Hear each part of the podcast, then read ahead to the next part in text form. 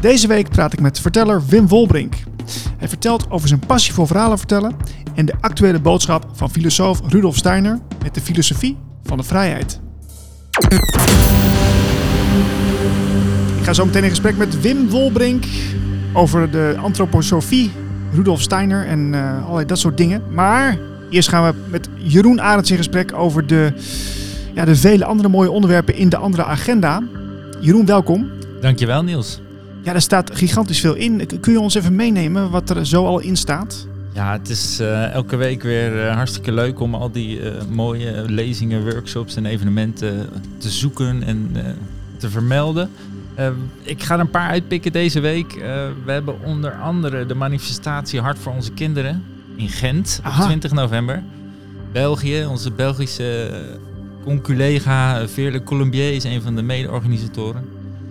En dat is een uh, bijzondere manifestatie uh, die zij al een aantal keer gegeven hebben daar, die altijd druk bezocht wordt. Speciaal voor de kinderen, hè? Ja, de kinderen hebben, dat, uh, die hebben het zwaar te verduren gehad en daar geeft zij graag aandacht aan. Heel belangrijk. Ja, ja. vind ik ook. verder hebben we een heel interessante introductie in de Germaanse geneeskunde. Ik weet niet of je daar bekend mee bent. Ja, ik heb er een aantal interviews over gedaan, zelfs in het verleden, met Casper Rutte. Ah, maar ja, die, ja. uh, die ken je hem ook wel of niet? Nou ja, het is, uh, de, ik heb me daar lang geleden al eens in verdiept en ik blijf dat af en toe wel eens doen als ik ergens last van heb. Want uh, het is gewoon een heel bijzondere kijk op gezondheid en geneeskunde. ontwikkeld natuurlijk door dokter Hamer. Ja. je gaat ervan uit dat eigenlijk elk, elk wat wij ziekte noemen eigenlijk genezing is. En dat wat wij ziekte noemen een energetische oorzaak heeft, een conflictoorzaak, een trauma of een uh, gebeurtenis of iets wat opgeslagen wordt in je lichaam. Ja, ze zien ziekte weer als een soort kans, hè?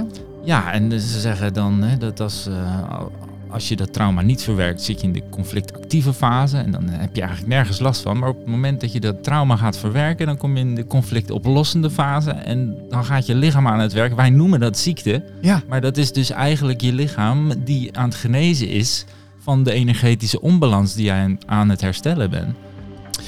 Is het een, is het een lezing of is het een uh, bijeenkomst van uh, Germanische geneeskunde? Het is uh, beide, want het is een lezing waar men bijeenkomt. Kijk, nou, helemaal goed. Duidelijk. ja, goed, en verder dan hebben we nog, die vind ik zelf heel, heel boeiend en ook heel belangrijk.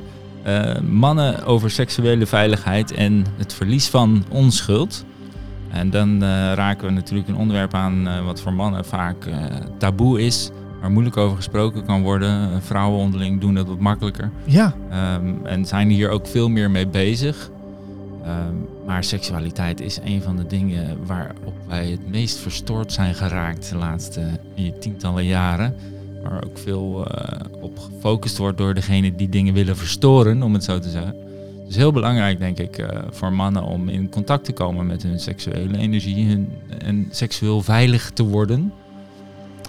Dus uh, heel interessant. Het is, dat is dus ook een, een training of wat is het voor of een cursus? Ja, het is een, uh, een soort introductielezing. het wordt georganiseerd door de mensen achter het Vallei-orgasme. Dat is een beweging die zich bezighoudt met het ja, het werken met seksuele energie op een veilige manier, zowel voor vrouwen als voor mannen. Ah ja. Het is een online uh, webinar uh, in dit geval. Die is gratis te beluisteren op 16 november vanaf 4 uur s middags. En zal uh, denk ik voor alle mannen een aanrader. Want als je eenmaal leert met die seksuele energie om te gaan, heeft dat heel veel voordelen.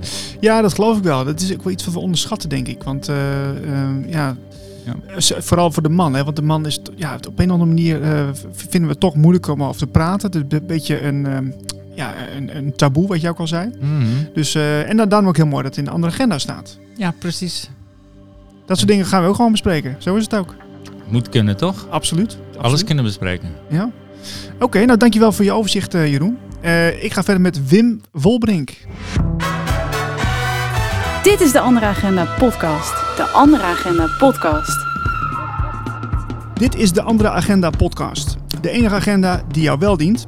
En vandaag praten we over een zeer bekende filosoof, een Oostenrijkse schrijver, Rudolf Steiner.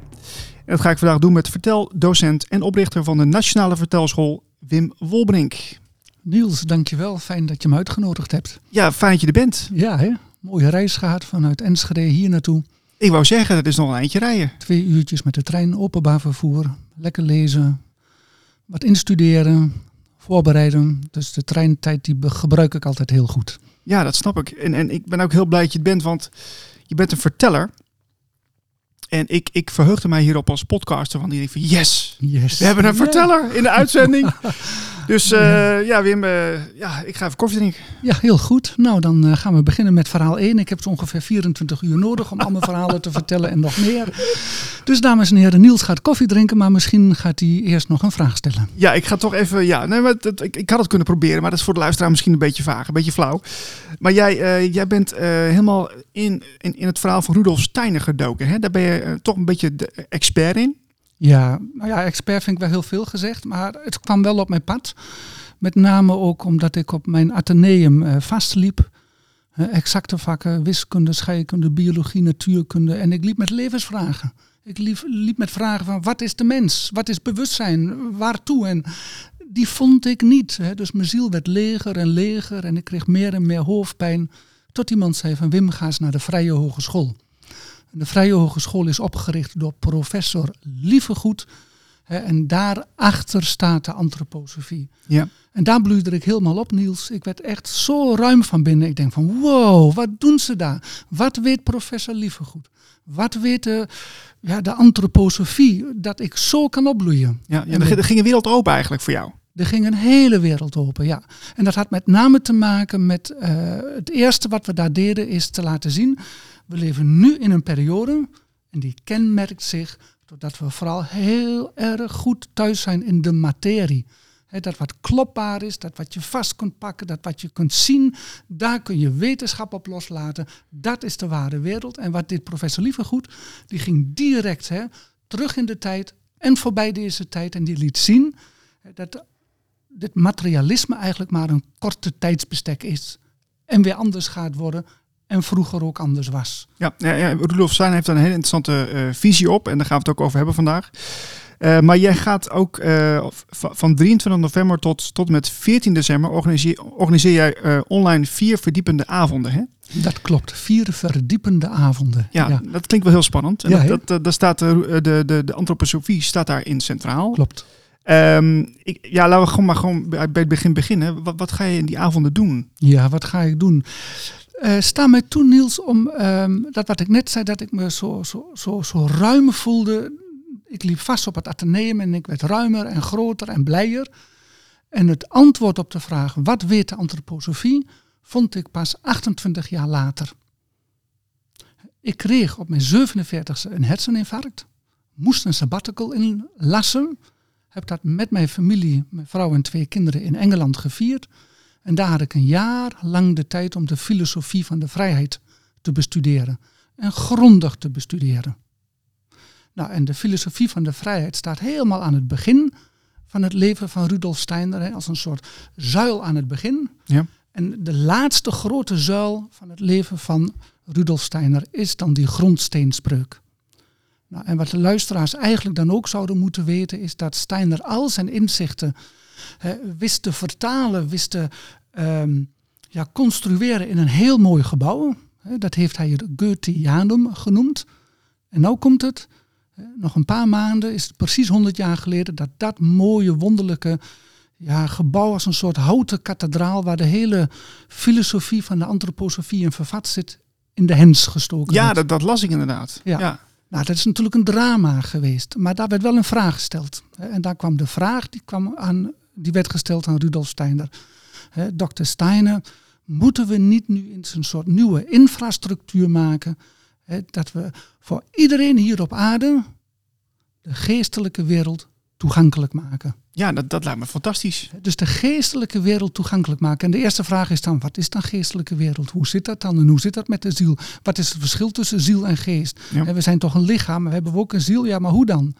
Nou ja, en daar kom ik dan eh, tevoorschijn. Want wat ik merk, is dat voor veel mensen de antroposofie te ingewikkeld is. Maar met de vertelkunst en met verhalen, zagen, legendes, sprookjes, met name ook mythen, lenen zich daar heel goed voor. Kun je die moeilijke thema's toegankelijk maken. Ja, dat is een vraag die nu gelijk bij me opkomt. Hè. Eh, eh, wat maakt nou dat, dat het, een verteller ehm, middels een vertelkunst, zeg maar, dat beter onder woorden kan, onder woorden kan brengen. Zo'n zo'n moeilijk onderwerp. Ja, nou dat heeft denk ik vooral te maken met dat ik veel en veel meer inzet als ik een lezing geef dan een normale lezinggever. Ik beweeg vrij op het podium, ik gebruik mijn armen, ik gebruik mijn, eh, mijn emotie. Ik kan heel goed bruggen leggen tussen eh sprookjes, zagen, legende, mythen en moeilijke geestelijke thema's. En er komt eigenlijk nog iets bij wat misschien ook goed is om te vertellen. Ik heb vijf jaar lang theatersport gedaan. Oh, kijk. Dat deed ik op de Universiteit Twente. En dat is natuurlijk nou ja, improviseren en in contact staan met het publiek en signalen uit het publiek direct weer terugspiegelen. En, dus het is ook vaak een feest om als luisteraar eh, bij de voorstellingen en de lezingen aanwezig te zijn. Ja, maar wat, wat ik ook eh, heb begrepen is dat die, die grondsteenspreuk, want dat, dat is eigenlijk dat staat centraal in jouw, eh, ja, jouw eh, lezing, zeg maar.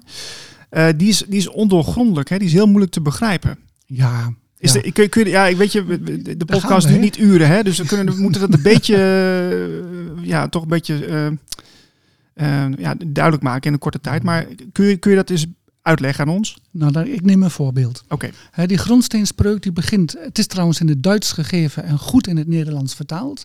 Hè, maar als ik hiermee werk, begin ik vaak in het Duits hè, en stap ik op het Nederlands over. Omdat ik toch denk dat in die Duitse taal, daar zit heel, heel, heel veel in om het grondiger te begrijpen. Hè, die Grundlichkeit, hè, die Duitse Grundlichkeit, hè, dan het Nederlandse, wat meer bij de, nou ja, bij de verkopers eh, past. ja, ja. Ja. Dus eh, de eerste, het eerste woord uit de grondsteenspreuk is mensenseele, hè, mensenziel. Dus je wordt aangesproken, je wordt diep in je ziel wordt je aangesproken. Mensenseele, du lebest in den Gliederen. Jij leeft in jouw ledematen. Ja. Die dich durch die Geistesmeereswesen. En dit woord, Geistesmeereswesen. Geistes is geest, meeres, ja dat doen die Duitsers altijd precies andersom. Hè? Geistes meeres, dus meeres is zee en wezen is wezen. Hè? Dus geest, zee, wezen. Niels, Ja, wat maar- moet je daarmee? ja, ik wou zeggen, Wat wat, gaan we nou helemaal heen in het gesprek? Ja? Mensen, eh, ik, bij- bij, deze alvast eh, excuses voor het gesprek. Nee, dat is fantastisch. Want Ja. hè, deze tijd kenmerkt zich dat wij helemaal vastzitten in wat we met de ogen zien en met de oren horen. Hè. Alleen die materiële buitenkant, daar kunnen wij wat mee. Ja. Maar die geestesmeereswezen, hè, dat geest-zeewezen, dat wijst ons eigenlijk de weg dat naast wat we met de zintuigen kunnen waarnemen, er ook een andere wereld is. Je zou kunnen zeggen, we zijn omringd door, ja, door geestenzee, alleen we zien het niet, Niels. We kunnen het niet zien, maar je kunt wel nieuwe zintuigen ontwikkelen om die geestelijke wereld, het die geest-zeewezen, te leren zien. En dan gaat er een totaal nieuwe onstoffelijke wereld open. Ja, en, en, en voelen ook. Hè? Het is misschien wel leuk even iets te vertellen over wat ik eh, meege- ge- meegemaakt heb de afgelopen eh, 24 uur. Eh, ik heb in een eh, toren geslapen eh, vannacht. In een oude eh, toren, de Pelsentoren in Zwolle. Misschien ken je die wel. Die ken ik, ja. 14e ja. eeuw, hè? Ja, En eh, ik dacht, ga even slapen, weet je wel. Ik heb vandaag gewoon dus bijna geen oog dicht gedaan. oké. Gewoon omdat het gewoon, eh, die, ja, die energie die je daar Ja, voelt. Is ja. dus, ja, je merkt gewoon, ja, daar hangt van alles. Hmm. Dus als je gevoelig bent, dan, Ja. dan krijg je dat mee. Hè, dus ehm, dit is eigenlijk heel belangrijk. Hè. Je kunt ook je gevoel ontwikkelen, dat je steeds meer kunt voelen, dat je steeds meer lagen kunt voelen, dat je daar steeds dieper in door kunt dringen. En dan kun je ook waarnemingen doen, dat soms komen die gevoelens hè, uit het lijfelijke gebied. Dat je heel veel zin hebt. Hè. Honger is bijvoorbeeld ook zo'n iets, hongergevoel. Maar er zijn ook gevoelens die komen uit het geestelijke gebied. Als je hele mooie dingen eh, denkt, dan kun je heel blij worden. Dus dan komt dat gevoel, wordt dan als het ware gevoed hè, door geestelijke gedachten. Ja. Maar soms heb je ook gevoelens die zijn heel onbestemd. Hè, die komen misschien gewoon uit de ruimte. Hè, geest, meereswezen. Dus dan kom je, die zijn onbepaald, die komen uit een ander gebied. En zo kun je dus, als je jezelf ontwikkelt, steeds meer lagen ontdekken. Ehm ja, Rudolf Steiner is dus voor, veel mensen is dat eh, een bekende eh, persoon, hè, grondlegger van de antroposofie. Eh, filosoof, pedagoog, schrijver. Ik heb hier een aantal boekjes eh, meegenomen. Ja, Eh, ik zag ze al liggen, ja. want ik heb zelf ook al een aantal eh, in mijn collectie. Eh, de opvoeding van het kind bijvoorbeeld. Ja, Atlantis in Lemurië. zo, kijk Ja, aan. Ja. Omgaan met stress en nervositeit. Ja. Eh, maar eh, waarom is de visie van Rudolf Steiner volgens jou eh, in deze tijd zo relevant? Die is heel relevant en dan kunnen we eigenlijk aansluiten bij zijn eerste grote hoofdwerk, namelijk de filosofie van de vrijheid. En ik eh, las in jullie krant, de andere krant, dat dat het boek van de maand is. Ja, ja van de week hoor. Oh, van de Ja. week. Ja, niet overdrijven zo, nou, Wim. Ik zou bijna zeggen, een boek van het jaar. nou, er zijn veel lezers, hè, voor, de- voor hen is dat boek ondoorgrondelijk. Maar kun je er doorheen komen en kun je dat boek als het ware hè, in jou laten werken en in jou laten rijpen, dan kan er een moment komen dat er in één keer de sluier hè, van de materialistische wereld als het ware voor je weggetrokken wordt. En dan kan het zijn dat je dan toch toegang krijgt tot die geestelijke wereld. En eh, dat is met mij gebeurd. Ik heb eh, jarenlang eh, de inhoud van dat boek gedoseerd. Tot ik op een gegeven moment ochtends wakker werd. en in één keer heel helder zag ik bij mezelf. Maar wacht eens even. Alles wat ik denk. Ik kan dus nu bepalen wat ik denk. Wauw. Dus ik ben helemaal vrij in mijn denken. Hé, maar wacht even. Het denken is niet stoffelijk. Nee, het denken is onstoffelijk. Dus daar had ik een soort aangrijpingspunt dat ik zag, daar is de kern, het wezen van vrijheid. We kunnen en mogen denken wat we willen. En van daaruit kun je je leven impulseren, kun je je leven verrijken. En wat nou interessant is, deze tijd, en dat is ook zeg maar de kern en de oorsprong van de andere krant, kenmerkte zich voor dat zeg maar die enorme vrijheidsimpuls, hè, er zijn allerlei krachten die willen die menselijke vrijheidsimpuls niet. En de tijdsgeest waar we nu in zitten, hè, is eigenlijk over de redding van de ziel. Kunnen wij die vrijheid, kunnen wij die eh, ja, exploiteren, kunnen we die vinden, kunnen we die de ruimte geven, zodat alle mensen echt vrij worden en blij worden en kunnen ademhalen en kunnen leven. En die vrijheidsimpuls is eigenlijk de kern van wat de antroposofie voor deze tijd aan de mensheid wil waarborgen. Dat we dat kunnen begrijpen, dat we dat kunnen waarnemen, dat we dat kunnen leven, dat we daar blij van kunnen worden en dat we daar ons leven op stoelen. Ja. Maar wat zien we tegenwoordig? En dat zijn zeker die coronamaatregelen en zeker nu ook wat er in China gebeurt. Het is eigenlijk allemaal tegenkrachten, tegenkrachten, tegenkrachten tegen die enorme vrijheidsimpuls die de mens nu in deze tijd juist wil gaan leven. Ja, maar ook vooral de mensen in, in de materie houden. Hè? Dus in, in, het, in, het, in het stoffelijke. En vooral het onstoffelijke ehm, ja, afdoen als ehm, ja, iets wat, wat niet wetenschappelijk is. Ja, dat klopt. En daar zit de fout. Hè. Dat kunnen we zo aanwijzen bij Immanuel Kant. Hier kunnen we ook Steiner weer pakken. Die kan haarscherp aanwijzen de grondfout waardoor wij nu eenzijdig materialistisch denken. Materialistisch denken is niet verkeerd. Maar op het moment als dat eenzijdig wordt, hè, dat materialistische, mechanische, causale denken. Ja. Als dat eenzijdig wordt, en nog erger, als het van toepassing wordt op dat wat leeft, op de mens, dan doe je de mens tekort. En dat is nu door heel veel mensen voelbaar. Dus die COVID-maatregelen die komen uit dat materialistische eh, nest. En de mensen voelen, ik, ik pas daar niet. Dit is niet waarbij ik eh, ruimte krijg. Nou, en die strijd die werd ook al aangekondigd. Weet je nog Niels dat ik het net had over professor Lievergoed? Ja, ja, zeker. Ja, die lag op zijn sterfbed. 1992. Omdat Lievergoed mijn grote meester is, mij zoveel innerlijke ruimte gegeven heeft, was ik heel benieuwd welk boek hij dicteerde op zijn sterfbed. Dus toen hij in 1992 in november overleed, en meteen het jaar daarop ehm, dat boek uitkwam over de redding van de ziel, heb ik het meteen gelezen. En wat staat er op de laatste pagina? Sta mij toe dit in deze uitzending te brengen. Ja, nee, heel graag. Op die laatste pagina staat: de mensheid gaat een hele, hele zware tijd tegemoet. Wanneer? Ik maak het niet meer mee, maar jullie jongeren nog wel. Tussen 2020 en 2040. En ik heb 30 jaar lang heb ik gewacht van, wat bedoelt liever goed? Wat bedoelt hij met er komt een moeilijke tijd? En dan vervolgt hij honderden miljoenen mensen zullen in deze geestenstrijd hè, zullen ehm, te gronden gaan. Maar weet ook dat er een aantal mensen zijn die de dolende zielen zullen gaan redden. En dat is eigenlijk wat ik nu zie. Als je helemaal overgeeft aan het slechte nieuws, dan gaat je ziel dolen. Dus wat moet je nu bij jezelf doen om je ziel als het ware weer te hand te nemen? Hè, dat je weer basis voelt, dat je weer een fundament voelt, dat je weer grond onder je voeten krijgt hè, en dat je weer kunt ademhalen. Nou, dat vind ik wel mooi wat je zegt nu. Hè? Want ik, ik heb natuurlijk ook de afgelopen jaren wel flink in het nieuws gezeten. En je merkt daardoor dus gewoon dat je eh, een soort zwaarte gaat ervaren. Gewoon lichamelijk ook. Die, die, die energie neem je mee. En eh, je, het, is, is bijna zo dat je, dat je af en toe denkt van nou gebeuren er ook nog leuke dingen, gebeuren ook nog positieve dingen. En dat vind ik zo mooi van de andere krant. Hè, dat, ze, dat jullie nu als krant heel duidelijk gezegd hebben van nee, er moeten een aantal pagina's komen. Hè, wat voor een goede initiatieven zijn er? Waar is het goede nieuws? Welke mensen stappen hier nou als het ware uit deze as, eh, komen daaruit tevoorschijn en zoeken een weg en creëren een weg waar mensen weer blij van kunnen worden. Waar mensen weer het gevoel krijgen van hè, gelukkig, er is ook een andere wereld. Daar wil ik bij horen, daar wil ik bij zijn. Precies. En volgens mij heeft Rudolf Steiner ook wel wat voorspellende uitspraken gedaan hè, in zijn eh, periode eh, toen hij eh, schrijver was. Kun je daar een paar voorbeelden van geven? Nou, het belangrijkste is natuurlijk hè, de grote geestenstrijd. Hè, Ik heb het dan van lievergoed, maar dat kom je ook bij het werk van Steiner tegen. Wij zitten dus nu, als het ware, helemaal vast in die donkerte van de hè, causale mechanische materie. Wij denken dat de wereld zo is opgebouwd. en dat maakt ons eigenlijk heel klein. Dat, dat geeft een heel eng gevoel ook. Als je daar je gevoel op loslaat, dan voel je ook, dit klopt niet, dit kan niet.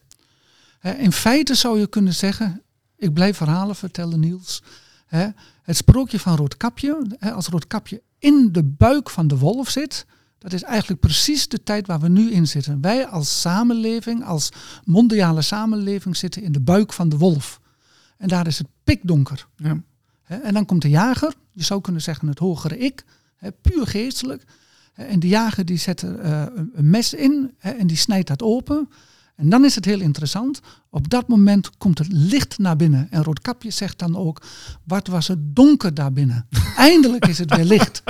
Nou ja, en dan zegt de gebroeders Grim, die, die zijn nog veel preciezer. Hè, die zeggen, de jager knipte de buik open en het eerste wat hij zag, was het glanzende rode kapje. En als je daarna gaat, wat ik dus net zei aan het begin van de uitzending hier, dat vrijheid in het denken te vinden is, daar juist in dat denken ben je helemaal vrij.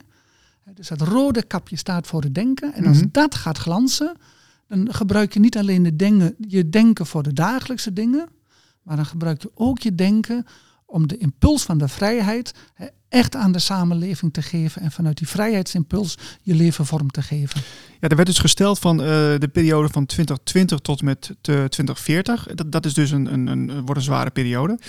Ehm, maar wordt er ook ergens iets gezegd over eh, de kansen? Of waar, waar, waar, dus, waar de mensen weer een soort van wederopstanding eh, zal ondergaan? Of, Ja, dat is de vraag. En dat is dan toch ehm, ja, en het goede en het slechte nieuws.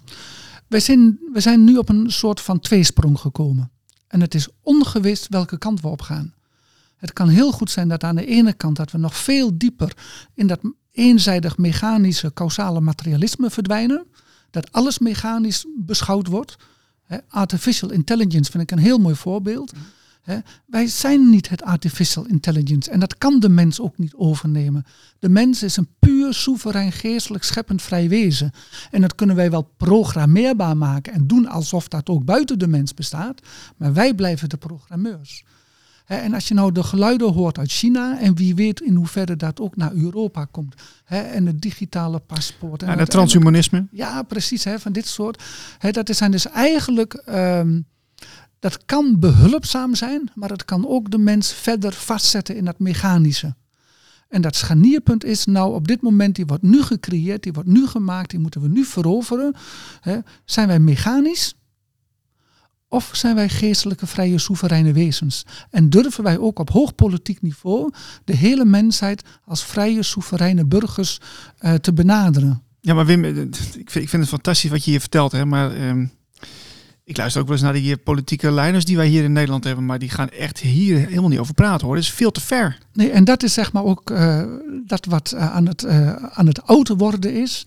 In feite gaan wij van bloedbanden, familiebanden, naar instituties en politieke banden, naar de vrije mens. En dat betekent dus dat de politiek steeds minder belangrijk gaat worden. En dat de mens en wat tussen de mensen leeft en wat mensen met elkaar willen doen en hoe ze met elkaar willen leven steeds belangrijker wordt. En op dat scharnierpunt zitten wij nu. Me- Meer een soort decentraal eh, gebeuren. Absoluut. Ja. En eh, hoe meer we gaan centraliseren, en je ziet ook die tendens, eh, hoe meer we vast komen te zitten in dat technocratische materialistische. En hoe enger het gaat worden. Letterlijk enger in de zin van krapper, hoe strakker het corset wordt. Hè, en wij willen, de mensheid wil uit- als het ware naar een samenleving dat hij of zij echt zichzelf voelt als hij, nou word ik benaderd als een vrije, geestelijke, soevereine, scheppende geest. Ja, maar het nodigt toch ook gewoon meer uit om te, om te leven. Weet je wel, je voelt toch meer de levensenergie als jij eh, eh, als je, je je echt vrij voelt, hè? Natuurlijk is dat zo. En daar is zeg maar de energie. Dat andere, hè, dat heeft een soort scleroserende, verhardende werking. Dat wordt steeds harder, steeds krampachtiger, steeds botteriger. Ja. Hè. En eh, steeds meer mensen voelen ook van, dat is niet de weg die ik op wil gaan. Waar leeft het? Waar ademt het? Hè, daar waar de mens als een vrije, geestelijke, soevereine, scheppende wezen benaderd wordt. Ja. En dan kom ik even op die ene, dat mooie boekje van jou dat jij hier neergelegd hebt, hè, over de opvoeding van het kind. Mhm. Hè, Hoe benaderen wij de kinderen? En als je nu naar het onderwijs kijkt, heel veel van buiten, van buiten, van buiten. De staat bepaalt wat het kind moet leren op deze graad, op die graad. Liefst zo jong Ja. mogelijk. Vooral cognitief. En vooral ook nog een keer cognitief. En veel te vroeg, hè, dat, dat, dat verhardt ook het kind. En op het moment als wij de kinderen de ruimte geven hè, om de eigen impulsen te leven, moet je eens kijken wat voor mooie, scheppende, vrije zielen je dan krijgt. Of eigenlijk zijn ze het al. Maar dat, dat moeten we behouden. En het onderwijs heeft ook nog flinke slagen te maken. Ja, nou gelukkig hebben we toch ook aan de andere kant een aantal scholen gezien die, eh, die het anders gaan doen. En daar geven jullie ook eh, de ruimte voor. Dus dat, hè, dat is mooi aan jullie krant, dat jullie meer en meer ook de focus leggen op al die mooie initiatieven die we hier in het land kunnen vinden. Jij gaat, eh, je gaat een aantal avonden geven, verdiepende avonden. Eh, wat, wat, ehm, wat wil je nou bereiken met zo'n avond? Ja, dus ehm, het vehikel, ehm, het medium is de grondsteenspreuk van Steiner. Die gaf hij een jaar na de brand. En die grondsteenspreuk was eigenlijk het beginpunt eh, dat er een soort van soevereine, vrije, geestelijke, scheppende samenleving gecreëerd zou kunnen worden. Dus de kern van die grondsteenspreuk is eigenlijk ook eh, de soevereine, geestelijke, vrije, scheppende mens. En de mensen die mee gaan doen eh, in, bij deze vier online avonden, zullen ook merken dat ik ook vrij veel vragen stel en oefeningen geef. En hè, af en toe zijn er tekenoefeningen, an- anderzijds zijn er denkoefeningen. Dan zijn het weer meer gesprekken met elkaar. Hè, dat de mensen ook ervaren van, hé, hey, ik word hier hè, bij de Nationale Vertelschool tijdens deze uitzending, deze online uitzending, word ik benaderd als soevereine vrije geest. En ik zie ook vaak dat mensen die komen dan weer terug en die komen weer terug. Hè, daar is zeg maar het voedsel voor de toekomst te vinden. Ja, precies. Ehm, ja, wat, wat, wat krijg je eigenlijk ehm, van mensen terug na zo'n avond? Ehm, wat, wat, wat zijn de reacties doorgaans? Ja, heel simpel. Blijheid. Blijheid? Ja, hè, ruimtegevende blijheid. En dat is wat ik ook, ook beoog. Hè. Kan ik zeg maar zulke oefeningen meegeven. Net als wat ik aan het begin van de uitzending hier zei over professor Lievergoed. Hè, die lezingen hield ver voorbij het materialisme, maar ook voor het materialisme. Die in de cultuurtijd terugging, die in de cultuurtijd verder ging. Zodat ik zag van er is veel meer dan alleen stoffelijkheid. Dus zeg maar dat oprekkende gevoel, dat ruimtegevende gevoel. Dat is ook wat ik iedere keer in mijn lessen eh, wil meegeven. Dus ook als ik zeg maar een training geef van hoe vertel je een verhaal. Mensen worden blij. Hè? Dus die verhalen die gaan vaak al over dit thema. Hè? Van hoe kom je los van het vaste. De hoofdpersoon vertrekt ook vaak uit het dorp waar hij geboren is. Hè? Gaat op weg. Ja, dat is letterlijk. Hè? Ja, ja. Eh, allerlei avonturen, krijgt allerlei giften. Een strijd is te, en keert verrijkt weer terug. Ja. En mensen die dan bij zo'n uitzending van mij komen, hoop ik eigenlijk hetzelfde. Hè, dat ze verrijkt na het uur van de uitzending hè, dan weer terug de huiskamer ingaan. Ja, nu is het natuurlijk wel eh, halverwege november. En de, de grondsteenspreuk is in 1923 door Steiner voor het eerst voorgedragen tijdens de kerstbijeenkomst.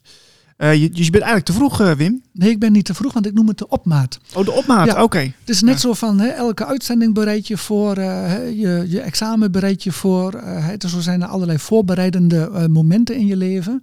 En zo zou je het ook hier kunnen zien. Het is, is goed, vind ik, dat mensen zich kunnen voorbereiden op dat jaar 1923. Hè, dus 100 jaar na 1923. En dat is het bijna, Niels. Ja, nee. Het, is- Adem nog een paar keer en het is 1 januari 1923. Maar Wi- Wim, vind, Ja. vind je het ook spannend worden de komende tijd? Of, of kijk je er meer, eh, kun, kun je er ook luchtig naar kijken? Luchtig is niet het goede woord. Ehm, ik kan wel goed naar de toekomst kijken, omdat ik zie eh, waar de sleutel ligt tot bevrijding.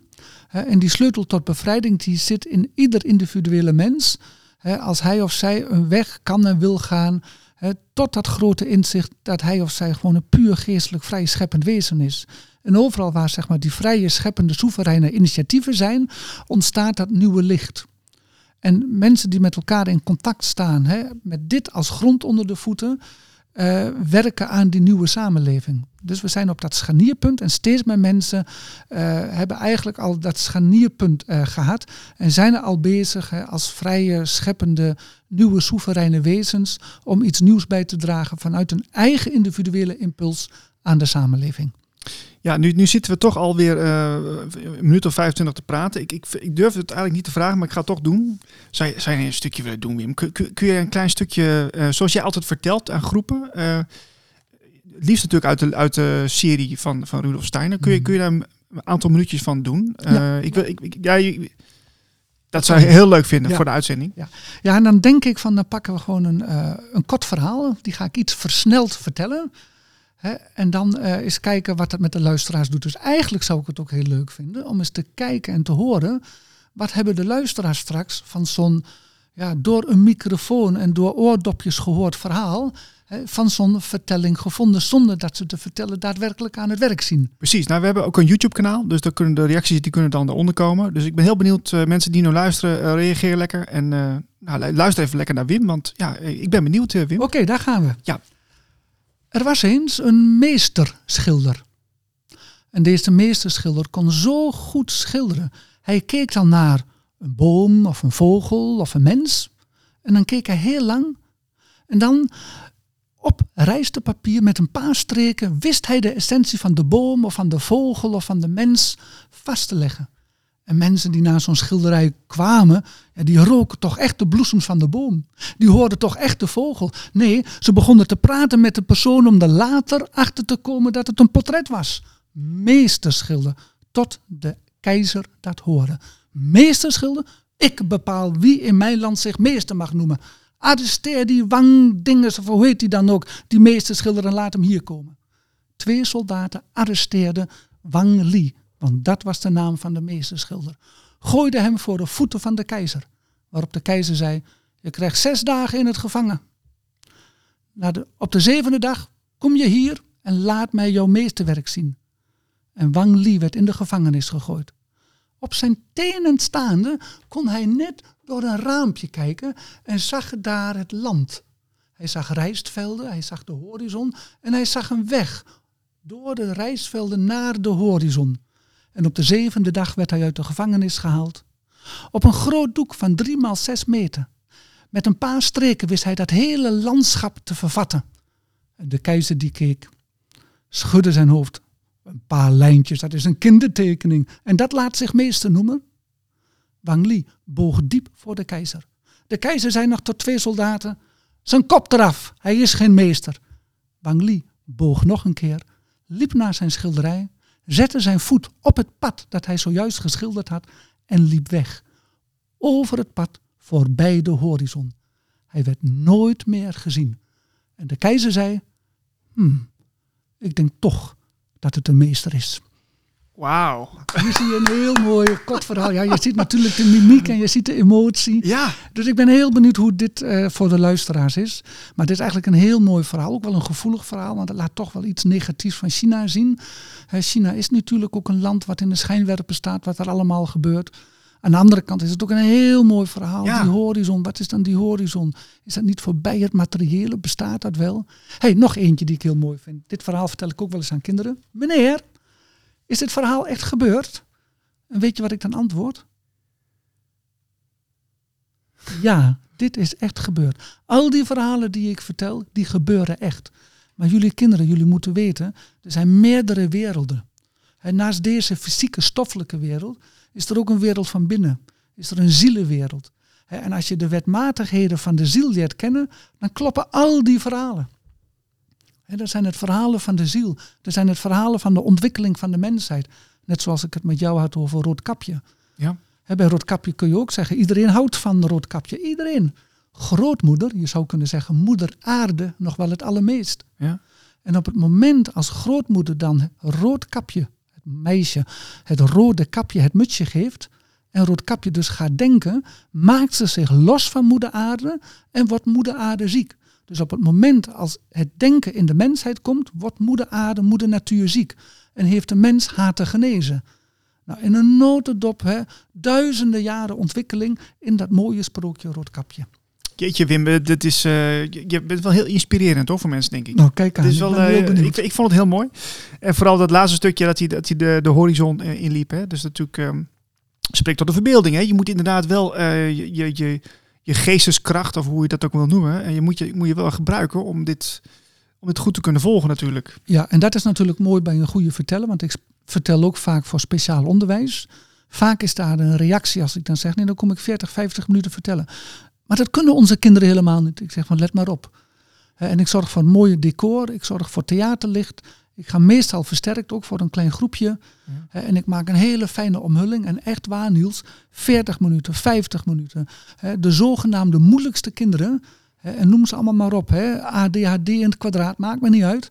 Op het moment als ik ga vertellen, en ik zie het trouwens ook, vooral ook bij Marokkaanse en Turkse kindjes, hè, die hebben dat nog in de cultuur, die zitten meteen in het imagineren. Ja, ja. En een goede verteller, hè, als het ware, zuigt de luisteraar direct in het imagineren. En dan hoeft de luisteraar eigenlijk geen moeite te doen. Maar pleit jij nou ook eigenlijk niet voor, voor meer eh, vertellers? Hè? Want, want vertellen is eigenlijk een hele oude, ehm, een, een, een, een oude eh, ambacht, zou je kunnen zeggen. Rond het kampvuur en, en van, van generatie tot generatie die door worden verteld. Eh, dat vroeger met zeelieden en, en, en al die andere prachtige culturen. Maar dat, eh, dat is eigenlijk in Nederland nagenoeg verdwenen. Jij hebt natuurlijk een, een vertelschool. Maar Mhm. eh, eh, is, het niet, is het niet gevaarlijk voor, voor, een, eh, voor, voor, een, voor een natie of voor een cultuur? Dat dat, Gevaarlijk, ja, ik vind Nou het gevaarlijk. En dan ben ik serieus. Nee, maar dat is. En je legt de vinger op, het juiste, eh, op de juiste plek. Want vertelkunst is ook gevaarlijk. En ik kan sowieso een voorbeeld noemen. Als gezegd wordt dat bij Saddam Hussein in Irak, als daar vernietigingswapens zijn en nazi's tegelijk hè, trekken ten oorlog en het blijkt achteraf een grote leugen te zijn, hè, dan zie je zeg maar het gevaar van de vertelkunst. Ik wil je graag een, een naam noemen, Philip Blom. Philip Blom is historicus.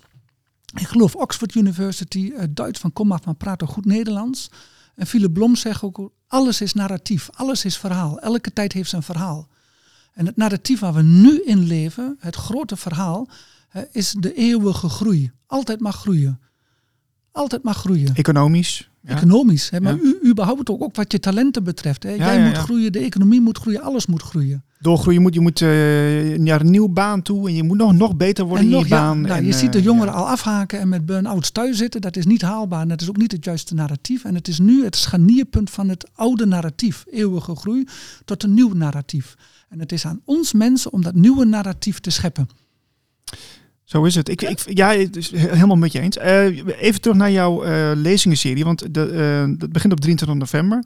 Maar het is online, vertelde je mij. Ja, nou, dat is heel simpel. wa- wa- waarom? Ja, dit is heel simpel. Ik heb geadverteerd voor mijn fysieke cursus. Ik heb acht keer op een woensdagavond heb ik deze cursus eh, gehouden. En er kwamen nogal wat nou ja, teleurgestelde, zelfs soms ook wat boze reacties uit het westen van het land. Ik ben gesitueerd in, eh, in, in het oosten van het land, Hengelo-Enschede. Horen wij trouwens helemaal niet hoor. Nee, nee, nee, nee ook helemaal niet. Nee, mooi is dat. En eh, ja, en de, de teleurgestelde reacties die zijn dan toch wel van ja, maar het is te ver en dan kan ik met de trein niet meer terug. En is helemaal in Enschede en ik kom uit Amsterdam, ik kom uit Alkmaar, ik kom uit Leeuwarden en, en ik kom uit Middel. Ik zeg van weet je wat, ik ga ook een online avond doen. In dit geval een soort extract van die vier, van die acht fysieke bijeenkomsten.